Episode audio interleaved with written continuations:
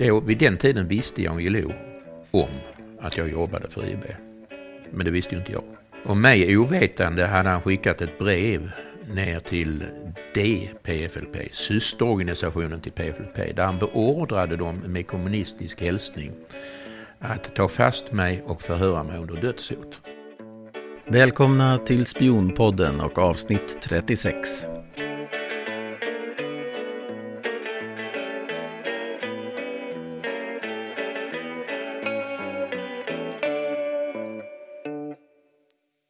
Ja, nu sitter jag än en gång i den vackra lägenheten i Malmö. Jag sitter med Gunnar Ekberg och vi ska fortsätta och berätta om hans bok Det ska ju ändå dö. Eh, jag vill bara påpeka så att ni förstår att vi, frun Lena, det hörs i bakgrunden. Eh, och det är på grund av coronatider. Och många jobbar ju hemifrån. Du, eh, vi avslutade förut med att prata lite grann om att du, det verkar i mina ögon som att du hade ett, ett mycket större syfte som agent. Eller åtminstone att det blev så för dig. Och en av anledningarna vad jag förstått är att du fick väldigt, väldigt nära och tät kontakt med chefen för PFLP, Wadi Haddad. Stämmer det? Ja. Kan inte du berätta för mig om eh, Wadi Haddad och ert första möte? Eller hur du till slut kom till att träffa honom? jag träffade honom kort en gång och träffade honom flera gånger ända till mötet hösten 72 då, då han tog mig som heltidsagent och, och vi byggde upp för hur jag skulle bosätta mig i Wien och jobba i hela Europa, hjälpa honom bygga upp infrastrukturen i Europa. För PFLP? PFLP, ja.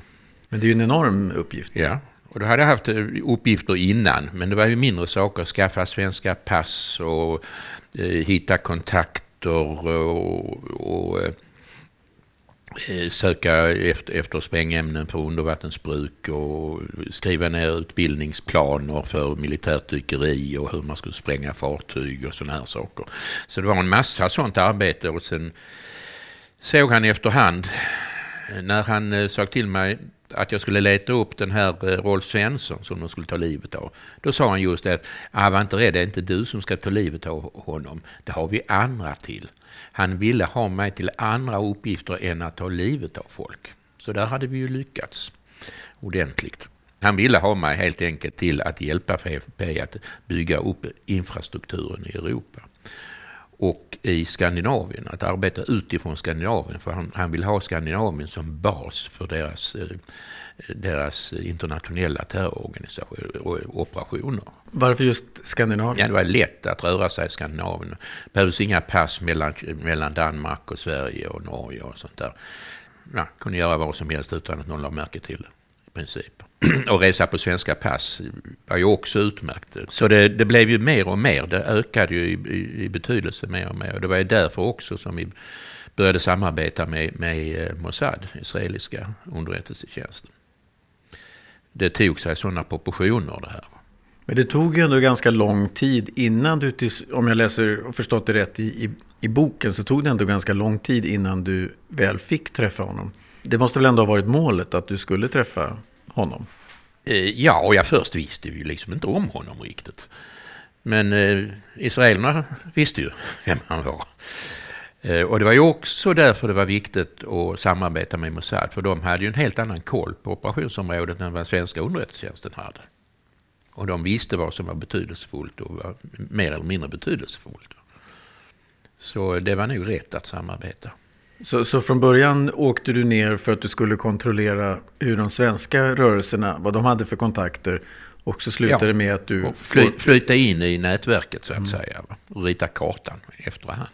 Och så slutar det med att du kommer i kontakt med högsta hönset. Och, ja, som värvar mig. Och så blir du värvad kan man säga av den israeliska underrättelsetjänsten Mossad Ja, jag blev inte värvad av dem utan eh, svenska underrättelsetjänsten eh, kom överens med israeliska underrättelsetjänsten att nu hjälps vi åt här med. För svensk underrättelsetjänst måste det ha varit ett väldigt guldkorn. Du, som fjäder i hatten. Ja, och det är ju ge och ta mellan vänskapligt sinnade underrättelsetjänster.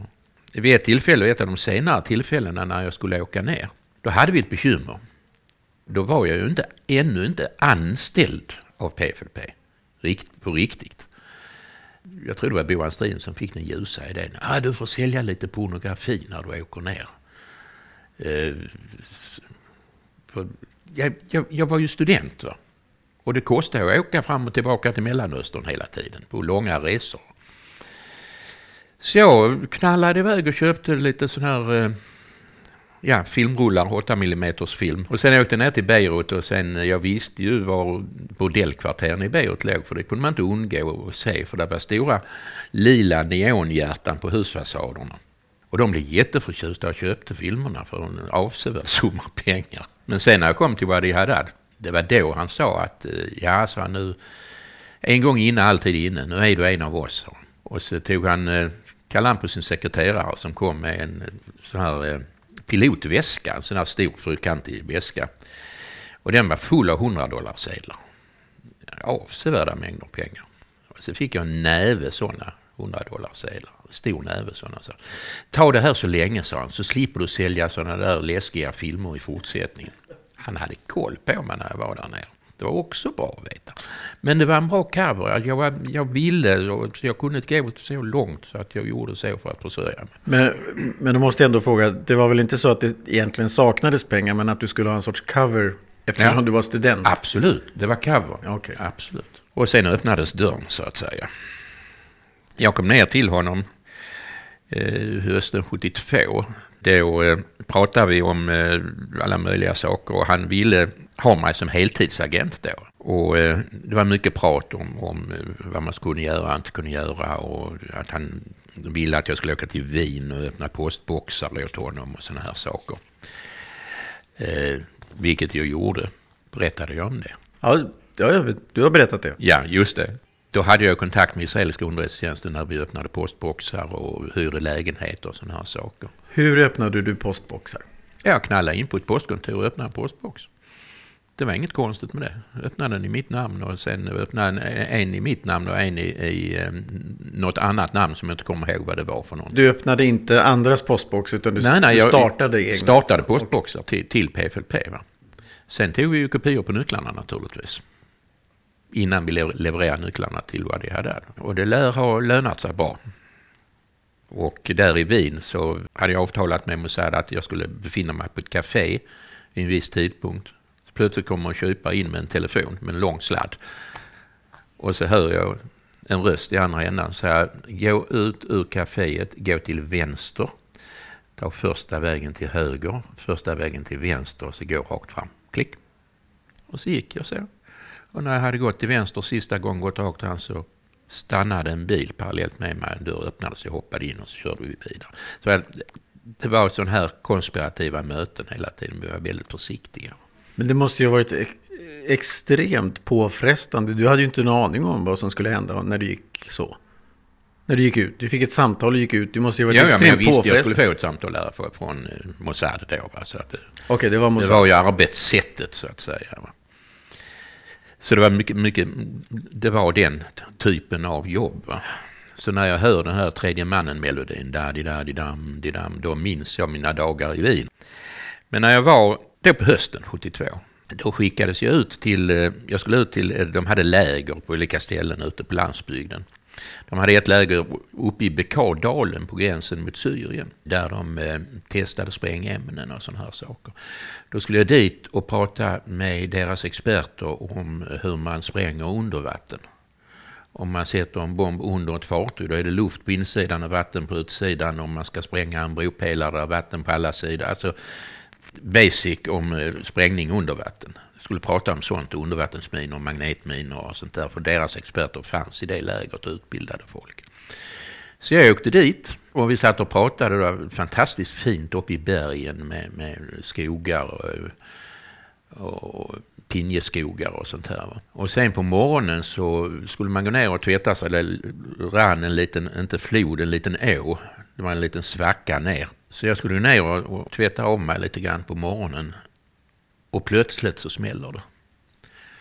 Eh, jag kan inte minnas att jag hör någon smäll. Men jag har då någon gång öppnat en ugn och svett ögonbrynen. Det var så varmt, en varm örfil. Och så trycktes jag ner, så jag rullade ner till den här ån. Och sen ringde det i öronen. Och så såg jag en grön ödla som låg och tittade på mig. Det glömmer jag aldrig. Men när jag tittar upp mot morgonhimlen så ser jag två stycken Phantom-plan, israeliska attackplan, som stiger upp mot himlen. Då har de bombat lägret. Eller förmodligen skjutit raketer eller någonting. För jag har inte hört att de kom. Jag låg där, jag var helt borta. Och sen kravlade jag mig upp när de hade flugit iväg. Så när jag kom upp så då brann det i träden och det låg ett huvud på marken. Och ben och tarmar hängde i träden och sånt där. Det var förfärligt. Det var riktigt förfärligt. Men jag klarade mig. Jag var lite svedd i håret på ena halvan och lite solbränd i halva ansiktet så att säga. Men jag klarade mig och sen åkte vi tillbaka. De kastade in mig i en bil och de överlevande där och körde mig tillbaka till Beirut och upp till Al-Hadaf. Eh, och eh, det var då jag ser Bassam Abu Sharifs skrivbord. Det är ett hack i skrivbordet och det sitter lite skräp i taket. Det är hans ansikte. Han fick en bokbomb alltså. Men har du någon, någon aning om hur, hur, många som dog i det där anfallet? Nej, det vet jag inte. Nej. Får jag vara lite cynisk? Bara fråga. Eh, nej, jag ska börja med att fråga så här. Var det här innan eller efter du hade träffat Danny vid Mossad? Det var efter. Det var långt efter. Men de visste ju inte att jag var där. Är du säker på det? Eh, ja, det är jag ganska säker på. Och de vill ju inte bomba mig. Det hade de inte haft någon nytta av. Eh, så att... Eh, nej, det visste de inte för att jag fick reda på det, sa Wadi Haddad när jag kom ner att ja men du får prata med den där, vi kör dig upp till det, det finns ett träningsläger. Så det, det kom efterhand så här. Det var inte planerat. Så det visste de inte. Men jag kom tillbaka och pratade vidare med Wadi Haddad och han heltidsanställde mig så att säga. Och jag skulle få då en coveranställning, något företag i eh, Kuwait eller någonting. Så att jag skulle resa omkring och vara representant för dem. Mm. Bra cover för att kunna resa och röra mig ute i Europa. För att jag skulle hjälpa honom att bygga upp deras infrastruktur i Europa. Mm. Men vad var det du tror du som gjorde att Wadi Haddad fick sånt förtroende för dig? Vi träffades eh, genom ett par år och jag skaffade honom svenska pass och jag fick rekommendationer från ledande figurer i de här rörelserna. Och eh, de hade ju testat mig brev med eh, att ringa in bombhot. Så det var massa små saker hela tiden och en massa små uppdrag och skriva utbildningsplaner och det var det ena efter det andra så att säga. Så det gick ju inte på en dag det tog sin tid. Men du hade ju väldigt nära kontakt med Wadi Haddad och han var ju dessutom då, har jag fått veta av Svante Winqvist, att han dessutom var KGB-agent. Han var KGB-agent, ja. Hände det aldrig att israelerna frågade dig om du inte kunde eliminera honom? Jo, det eh, gjorde de. Eh, vi kommer till det. Eh, men jag blev rekryterad som heltidsagent mm. åt honom. Det var då han sa att ja, det finns många uh, unga arga människor där ute som, som uh, vi ska ha nytta av. Det var då han visade mig barnkläder också. Jag vet inte om jag har berättat det för dig. Mm. En overall, ser ut som en sjömanskostym utan krage. Och så sa han, ja det händer ju ofta att barn åker ensamma på flygen med en lapp på magen. Så. Mm. Eh, skulle du kunna ta reda på hur det är hos eh, ert flygbolag? Vad rutinerna för detta är, hur man anmäler det och vilka papper man behöver fylla i och sånt där. Och så visar han så, får de ha på sig en sån här dräkt, sa han.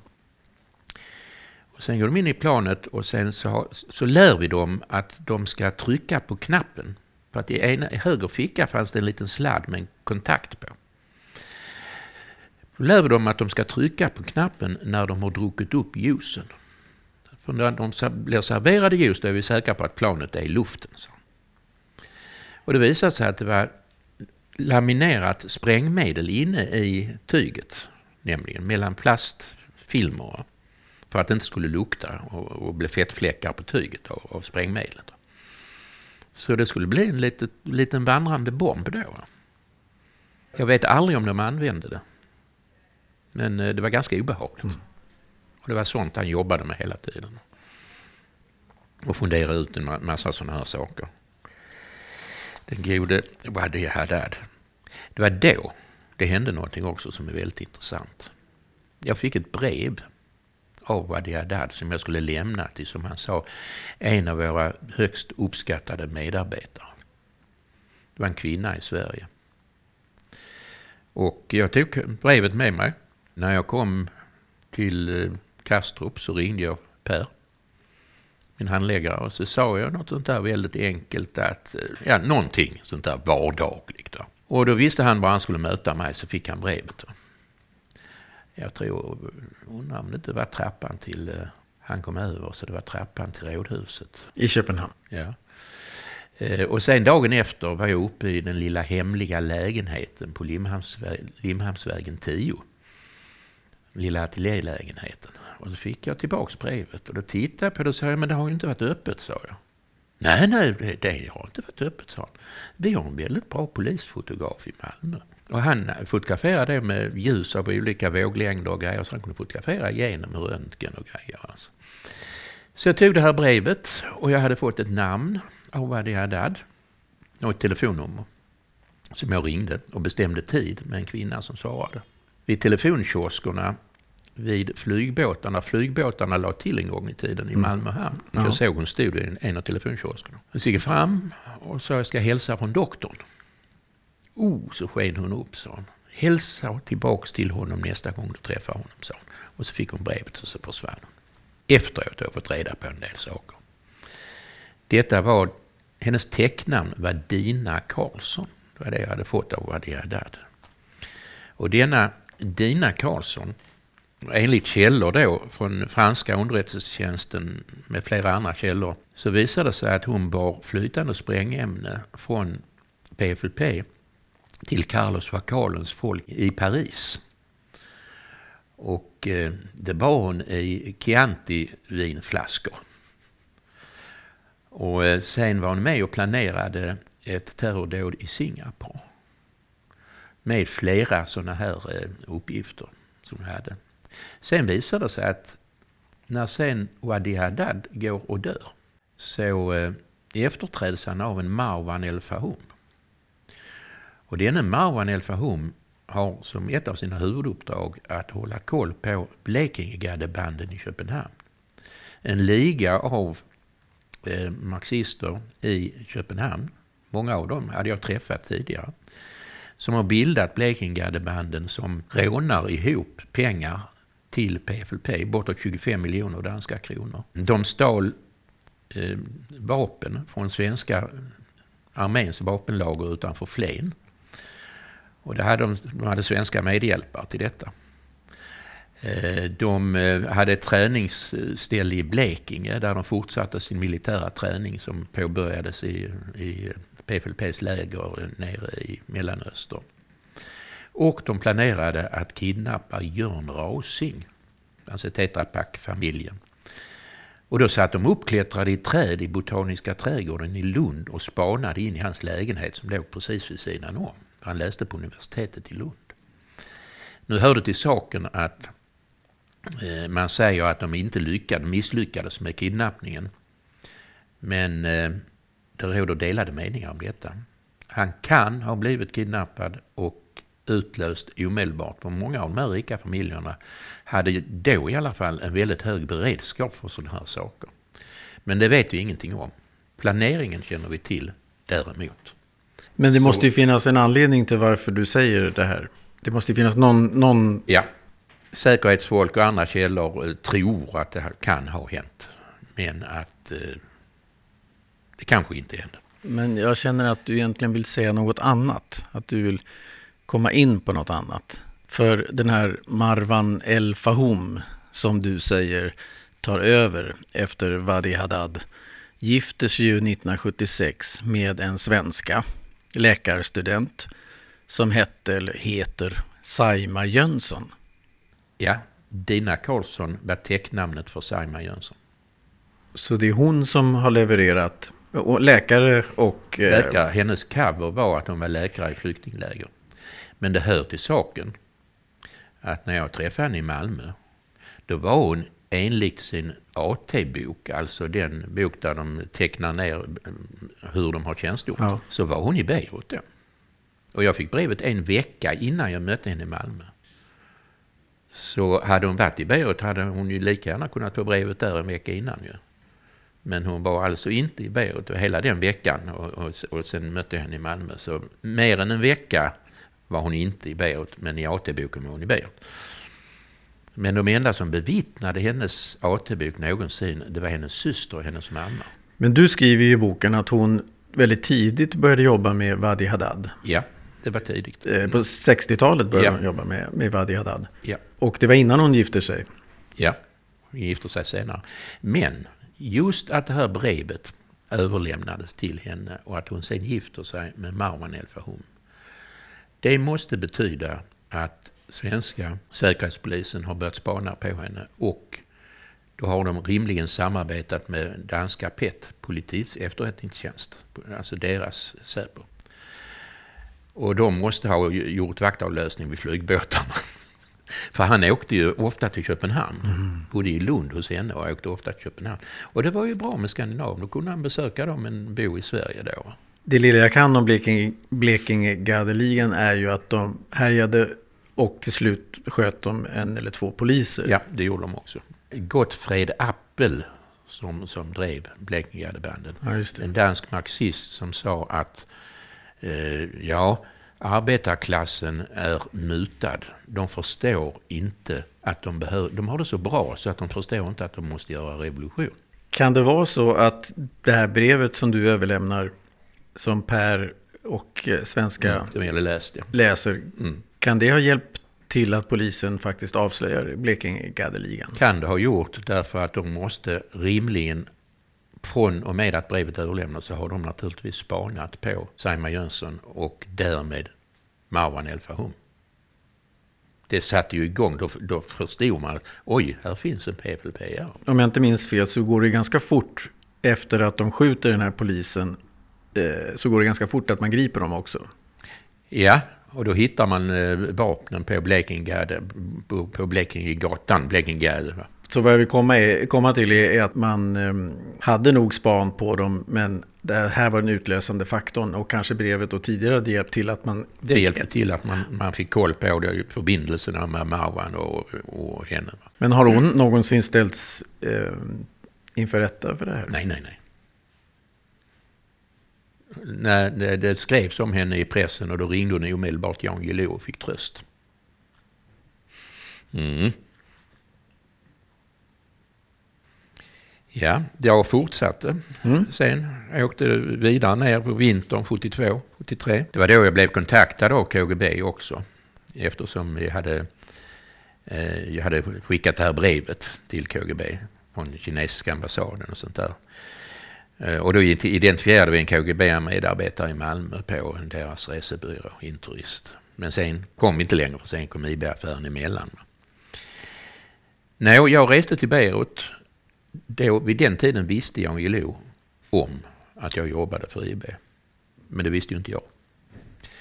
Och mig ovetande hade han skickat ett brev ner till DPFLP, systerorganisationen till PFLP, där han beordrade dem med kommunistisk hälsning att ta fast mig och förhöra mig under dödshot.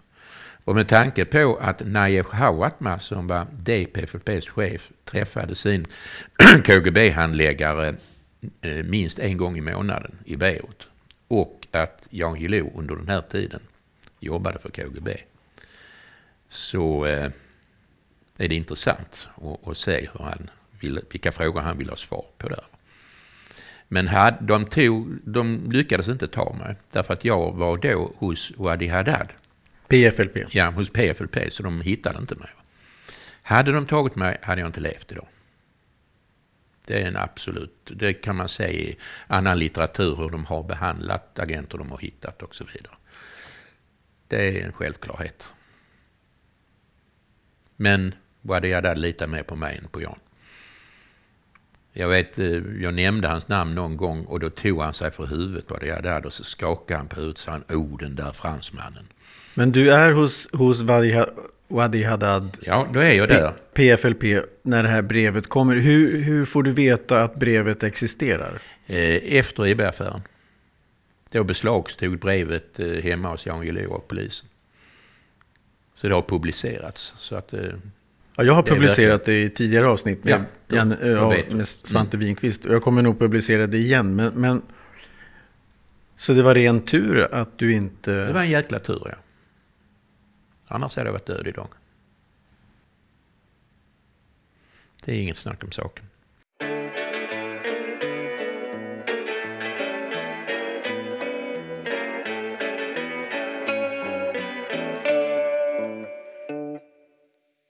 Eh, Wadi Haddad var glad för att jag hade kommit ner. Så han sa, oh, sa han. Jag har två dykare som är grundutbildade i Libyen. Och nu ska du träna dem, sa han, för det finns en passagerarbåt som går med turister.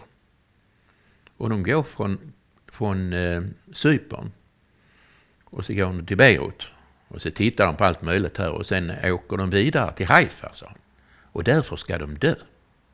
För det var så att man betraktade alla som hade kontakt med Israel på något sätt, turister eller andra, de var dödsfiender och skulle dö.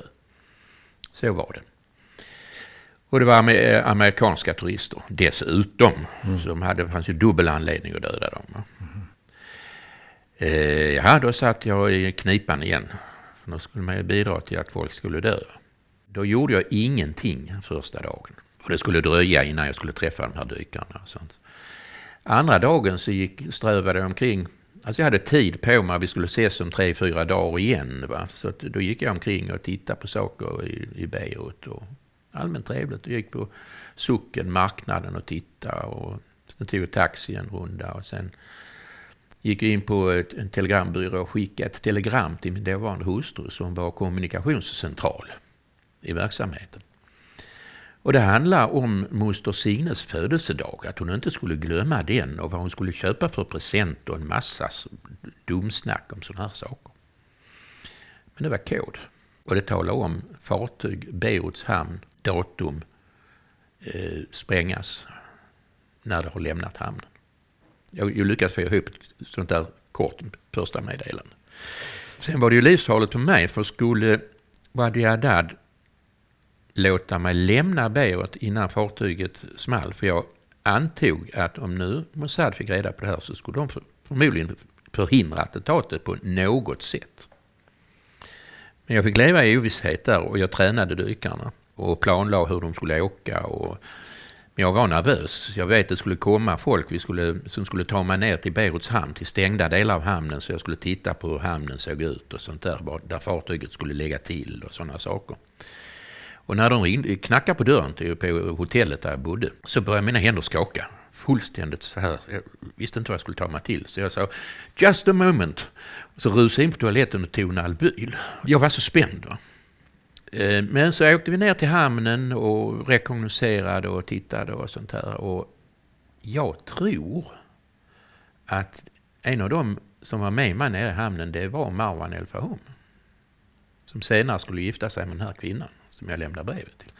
Men jag vet inte, men jag tror det var han. Alltså. Han som gifte sig med svenska Saima Jönsson. Ja. Och du har ju aldrig träffat honom så du vet Nej. inte. I alla fall så planade jag den här grejerna hur, hur de, de skulle komma med båt till hamnen och eh, hur de skulle eh, simma över en hamnbassäng och sen ta till vänster och simma längs en kajkant, runt ett hörn, längs kajkanten, komma under fartyget. Och att de skulle sätta eh, magnetminorna under slingerkölen nära eh, mitten av fartyget där motorrummet var.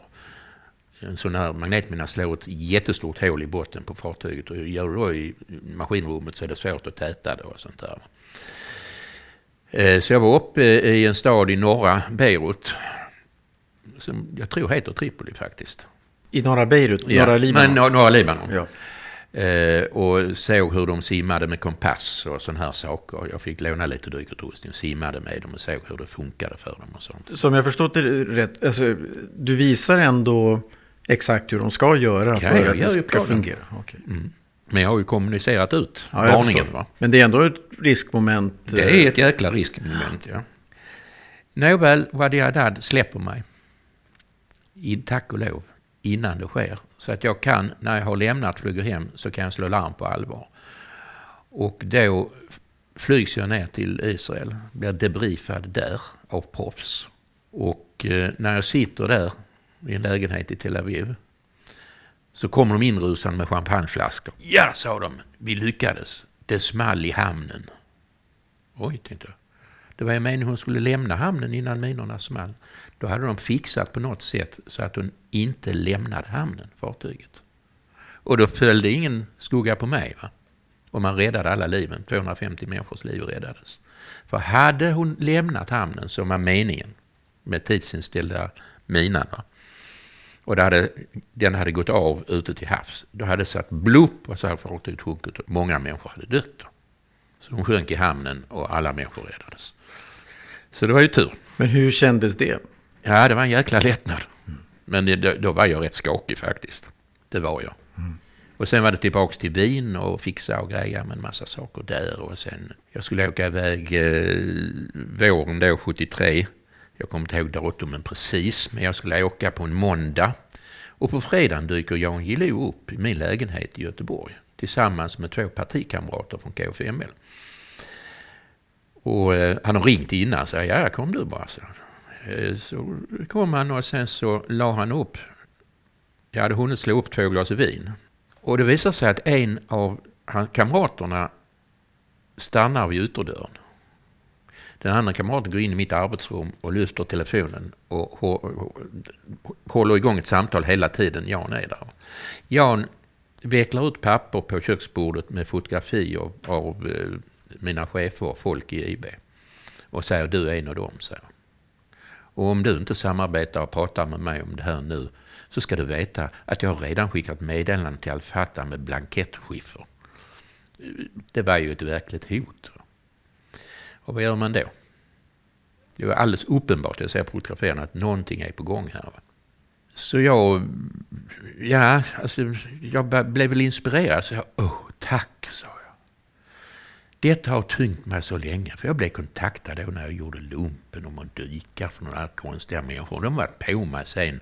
Men du vet ju att jag kom in i rörelserna och, och nu hjälper jag kamraterna ner. Du har ju själv rekommenderat mig. Men det här har tyngt mig så länge. Nu kan vi äntligen hjälpas åt att ta tag i det här. Och han trodde mig.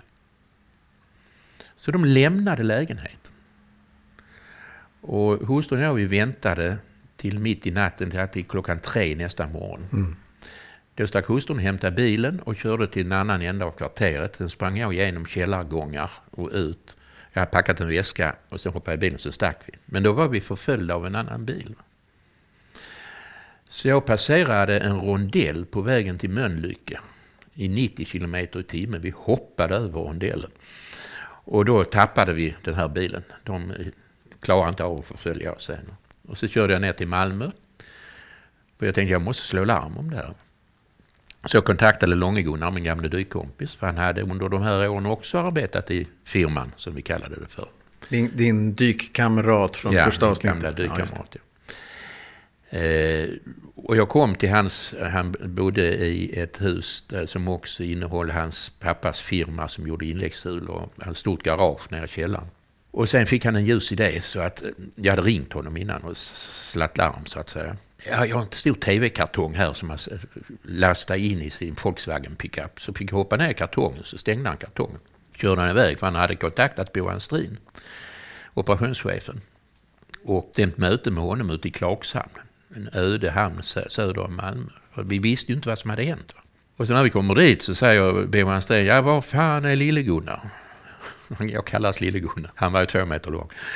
Eh, jag är här så och kom ur kartongen som gubben i lådan då. Och sen berättade jag vad jag visste och sen small ju hela IB-affären av. Och eh, jag eh, sattes omedelbart på ett flyg till Wien igen. Där Mossad tog hand om mig. Så jag, jag tillbringade tid i Wien och i, bodde i olika lägenheter. Bytte här, jag måste faktiskt fråga, mm. varför måste du flytta mellan lägenheter? Därför att PFLP eh, hotade att ta död på mig. Och de fick hjälp av, eh, de fick tid i, i svensk eh, tv och radio att uttala sina hot. Hur då? Ja, de talade om att de visste vad de skulle göra med mig om de eh, bara fick tag i mig. Och... Men hur, hur fick de hjälp på radio och tv? Ja, det var väl kamrater som jobbade där. Förmodligen. Jag har inte detaljuppgifter om det, men eh, det uttalades att de sökte efter mig via Svensk Radio TV. Så det här är inte första, inte andra, men kanske tredje, fjärde gången som du är nära döden. Ja, ja. Men nu vänjer man sig. ja, men gör man verkligen det? Nej, egentligen inte. Man tror man vänjer sig. Mm. I alla fall så fick jag sen bo i, eh, för jag fick ju delta i, vi försökte ju reda ut det här och man tog hem agenter från öst och det var en massa sådana saker. Och sen lurade man eh, grabbarna också. Lurade? Lurade Jan Guillou och Peter Batt också. Man okay. skickade på dem folk som ljög dem fulla av alla möjliga grejer. Maskirovka kallas det för. Vad är, vad är det? Berätta. Vilseledning. Okay. Falska uppgifter. Det är ryska. Eh, nåväl, så jag bodde där och eh, fick jag bo på olika krogar då. Det var hur trevligt som helst. Ja. Och så fick jag en hyrbil i två dagar, så byta hyrbil och sen bo en natt på varje ställe. Så höll vi på. Sen fick jag komma hem till Sverige, fixa iväg min lägenhet i Göteborg och sånt där. Fick hjälp med sådana saker. Och sen stack vi till London.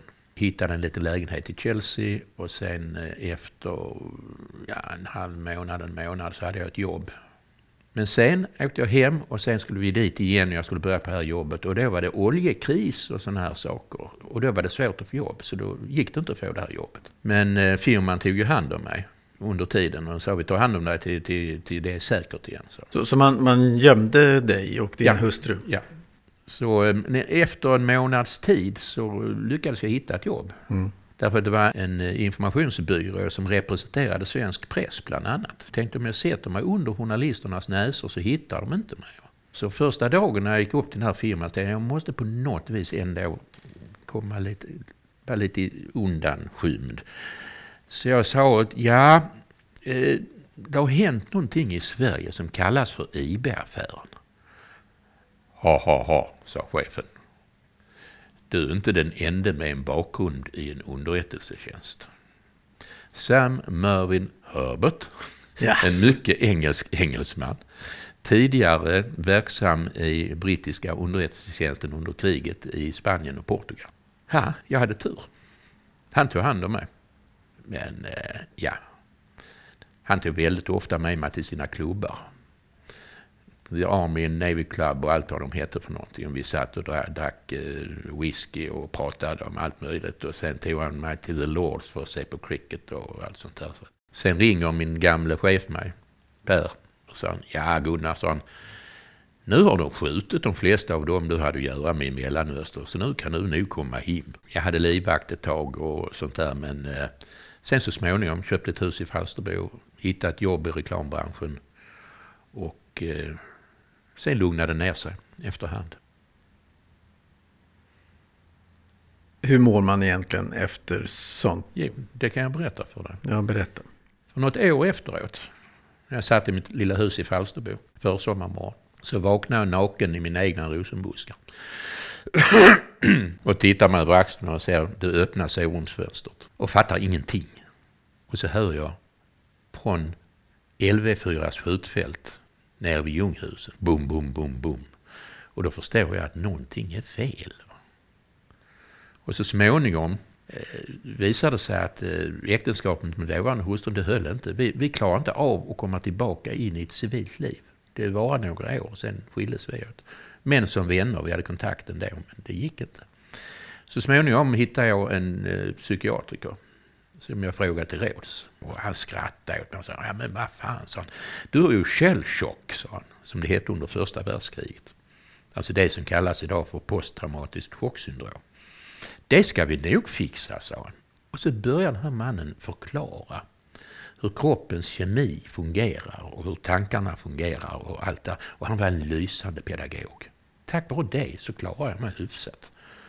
Och tack vare gammaldags uppfostran, för jag kunde inte stanna hemma från jobbet och tycka synd om mig själv. Det gick ju inte. Så jag klarade mig hyfsat i 10-15 år. Sen dök jag i en eh, klinisk depression. Och då sökte jag upp honom. Och då skrattade han igen. Så sa han, alltså du kommer nu, sa han. Jag har väntat på dig. Och så förklarade han igen att så fungerar det här. Att det kan gå ner, men det kommer så småningom tillbaka. Och det gjorde det. Men då sa han, nu har vi nya mediciner. Eh, Sådana här eh, serotoninåterupptagningshämmare som det heter. Så jag stod på sånt i ett och ett halvt år. och så prata, samtal med honom. Och så, det har planat ut så att jag, jag fungerar någorlunda normalt. Men jag förstår utlandssoldaterna. Har ofta givande samtal med dem. Så jo, det sätter spår. Det gör det. Dina löner, om jag förstod det. Du hade ju tur också, som, eller tur, du var ju skicklig som även hade jobb vid sidan om. Men, men du fick ju lön ifrån IB. Ja. Hur, hur fick du den lönen? Brunt kuvert. Så du är en av de bruna kuverten? Ja, och inga pensionspoäng för de åren. Du riskerar livet för staten. Och det är det ingen som vill höra om. Jag har skickat ett brev där jag redogör för allt det här men jag har inte fått något svar. Jag får skicka ett brev till så får vi se. Ja, du, du är inte den första som pratar om det här, om hur svenska staten tar hand om de sina som har offrat mycket. Nej, det är ju lite si och så med det. Varför är det så tror du? Ja, vi är väl fredsskadade, kan man väl kalla det för. Andra länder ser väl på sånt här på ett annat sätt. Men jag vill inte bekymra mig så mycket om det. Jag får ägna mig åt att skriva och göra annat. Jobba och slita. Men får jag återkomma till det här med, med Mossad och mm. att de faktiskt ville eliminera honom. Wadi Haddad, hur, hur, hur gick det till? När de bad dig om att eliminera? Jo, då satt vi i Tel Aviv. Mm. Och vi hade pratat och sånt. Och så var det en som tog ut mig på balkongen och sa du eh, skulle kunna tänka dig att ta bort vad det hade. Du kan placera en bomb på hans toalett eller någonting sånt där. Det finns många olika sätt. Så. Nej, så. Min uppgift är inte att döda människor. Min uppgift är att ta reda på saker. Så. Och det respekterar Det hade mycket bra förhållande. Det var ingen press, ingenting sånt. Utan det var öppna frågor och öppna svar. Hur dog han till slut då? Vad jag förstår så blev han förgiftad. Och det var någon som tydligen hade värvats av motsidan. Någon motsida. vi vet ju inte, men jag skulle gissa att Mossad fixat det. Eh, han var förtjust i sötsaker. Och jag vet han bjöd på, när jag satt med honom så åt vi sådana här turkiska grejer med honung i någonting. Jag kommer inte ihåg vad det heter. Och det visste tydligen den här andra som kom efter mig så att säga. Eh, så han hade belgisk choklad med till. Han tyckte om en viss typ av belgisk choklad. Då har man sprutat in någonting i choklad. Så då blev han dålig. Alltså på lång sikt, något radioaktivt skit. Va? Mm. Och eh, han blev dålig nere i eh, Irak. Han satt ju i Irak. Va? Hade han gripits? När han satt där nere och, och, och, sen fick han den här chokladen och sen så småningom började han bli dålig och då stack han till Östtyskland och fick vård. Mm. Så han dog i Berlin, Östberlin. Ja, där, det var 78. Var det KGB som hjälpte honom eh, till ja, Östtyskland? Ja. ja, ja. Det är klart. Och Saima Jönsson, vad, vad har hänt med henne? Ja, hon jobbar med politik och sånt där. Och det får hon väl göra. jag vet ju vad jag har henne. Det tycker jag var ett bra avslut på det här avsnittet. Eh, jag hoppas verkligen att vi får träffas igen. Du har också skrivit en fantastisk bok med din fru Lena Breitner om det hemliga Malmö och det hoppas jag att vi kanske får göra ett avsnitt tillsammans med er två. Men det är en fått... annan historia. Ja det är det, men ni har ju fått fantastiska recensioner så att jag ser fram emot eh, att läsa den och eh, att vi kanske får prata om den. Så får jag sno mig att skriva nästa bok också. Jag väntar med spänning. Stort tack Gunnar. Tack, tack. Glöm inte att gå in på Facebook. Vår sida heter Spionpodden. Och eh, på Instagram heter vi spion.podden. Där brukar jag försöka att lägga upp material från, eller extra material från varje avsnitt. Så eh, hoppas att ni går dit eh, och tycker, om inte annat så eh, hörs vi nästa gång. Tack så mycket. Hej hej!